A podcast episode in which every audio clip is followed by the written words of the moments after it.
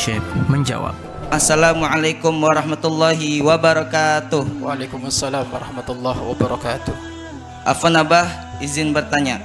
Saya sedang mengalami permasalahan dengan istri saya. Saya temukan chattingan istri saya melalui Facebook dengan laki-laki teman sekolahnya dulu dan sudah berlebihan Abah. Sudah sempat kami ingatkan tapi masih saja. Saat itu saya sedang tidak kontrol karena sakit hati. Akhirnya istri saya saya tampar. Dia mau nuntut ke pengadilan namun alhamdulillah tidak jadi. Memang sekitar 20 tahun yang lalu saya pernah pacaran juga yang menyakiti hati istri saya. Namun saya telah bertaubat dan meminta maaf dengan istri dan semenjak itu saya selalu berbuat baik hingga saat karena saya sangat menyesal. Namun sekarang istri saya yang seperti ini. Tapi sekarang istri saya sudah berjanji tidak ingin mengulangi lagi. Tapi rasa sakit hati saya masih ada. Saya mohon solusi dari Abah sebab hati saya merasa sakit. Saya hanya ingin yang terbaik dengan istri. Mohon doanya selalu Abah dan para santri semoga permasalahan saya dengan keluarga segera berakhir. Amin. Syukron. Baik. Menemukan chattingan sang istri dengan pria lain. Tentu ini menjadikan sebab sakit karena chattingannya adalah berlebih-lebihan. Baik. Mula-mula wahai seorang suami, kamu menjadi imam itu memiliki sifat yang harus mengayomi. Memiliki sifat yang harus sabar. Memiliki sifat yang harus bijak.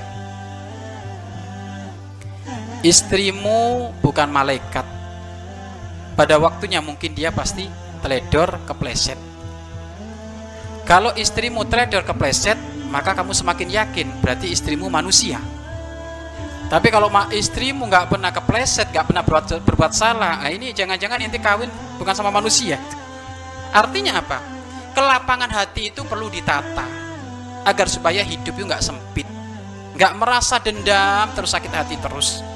Kalau memang ternyata menemukan istri berlebih-lebihan di dalam komunikasi, tinggal ditegur saja. Tegurannya pun dengan cara yang indah. Umi, saya menemukan Umi ada chattingan, kayaknya berlebih-lebihan chattingannya. Mohon Umi dijaga kesolehannya. Jangan berlebih-lebihan chatting kayak gitu. Nggak seneng abah. Sudah kayak gitu aja cukup. Ya, apalagi kalau ternyata istri berjanji, iya bang, mohon maaf saya ke mamang ini teman lama, saya lepas kontrol sehingga ucapan saya berlebihan. Sudah kalau sudah minta maaf sudah beres. Allah aja kalau ada orang minta maaf dimaafkan, ente kok masih dongkol kayak gitu kan berarti hatimu kotor. Ya, kalau sudah minta maaf sudah karena kalimat minta maaf itu ikrar untuk tidak mengulangi lah lagi. Ya. Maka kalau sudah sudah sudah dia minta maaf dan berjanji sudah Anda lapang dada. Maka Anda pun berperilaku dia ya seperti seperti sewajarnya karena dia sudah minta maaf.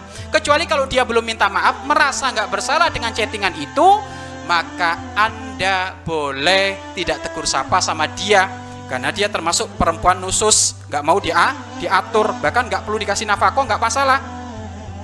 Karena dia nggak mau dia diatur, karpetnya dewek, nggak usah dikasih nafkah, nggak apa-apa. Kalau kamu dipanggil jangan mau tegur sapa.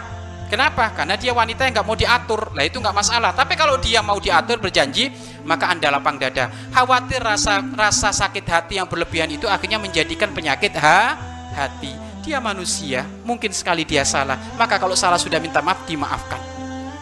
Ya. Bahkan Allah Subhanahu wa taala memiliki sifat bagaimana kepada hambanya? Sok kamu berlaku salah kayak apa pun. Yang penting kamu minta maaf akan aku ampuni. Salah lagi minta maaf akan aku ampuni. Salah lagi minta maaf akan aku ampuni. Tapi jangan meremehkan kesalahan. Dalam sebuah hadits kursi ini. Jangan meremehkan kesalahan kamu.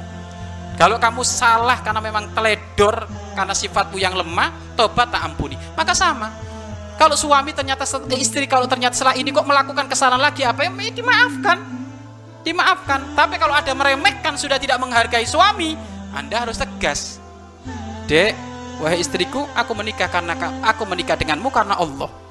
Kalau sudah di sini syariat Allah tidak dijaga, ya sudah kita berpisah. Harus tegas kayak gitu. Ya, harus te tegas apalagi seorang sua suami. Itu pun kapan? Setelah ketahuan benar memang istri nggak bisa diatur. Tapi kalau istrinya nurut, laku masih sakit hati, berarti hatimu yang kotor. Lapang dada, banyak istighfar, lihat pengorbanannya istri. Wong anaknya sampai 50 kayak gitu kok masih ngambek? Baik. Kasihan dia itu. Iya kan? Kalau dia salah wajar. Seperti hanya dirimu yang pernah bersa bersalah. Dirimu pernah bersalah tentu menjadikan hati sakit. Tapi juga wahai seorang istri jangan dendam-dendaman kayak gitu oh tak catat kamu tahun 2000 2002 kamu selingkuh Berarti 2002 sekarang 10 tahun yang akan datang saya pun akan selingkuh. Loh kalau ada istri kayak gitu ya ini dikutuk oleh malaikat nggak bener kayak gitu. Ya, tempatnya di neraka istri kayak gitu nggak boleh. Wahai istri suamimu manusia mungkin sekali kepleset tapi kalau dia ngaku salah bertobat ya sudah dimaafkan. Ayo lapang dada. Kemudian rumah tangga itu diikat dengan sering hadir majelis ilmu seperti ini Makanya kalau ngaji wahai para istri, wahai para suami, tolong datang sepasang. Jangan sampai istrinya datang, istrinya beneng, suaminya setengah setan, keder. Atau suaminya ngaji, istrinya nggak ngaji, suaminya bener, istrinya setengah jin. Nah, repot ini. Makanya kalau ngaji bareng, nah, ngaji bareng, akhirnya nanti dapat nasihat bareng. Maka ikat hubungan rumah tanggamu dengan menambah ilmu duduk di pintunya para ulama, pintunya para habaib, pintunya para kiai agar supaya rumah tangga rumah tanggamu semakin tenang dan istrimu semakin soleha, suamimu semakin soleh.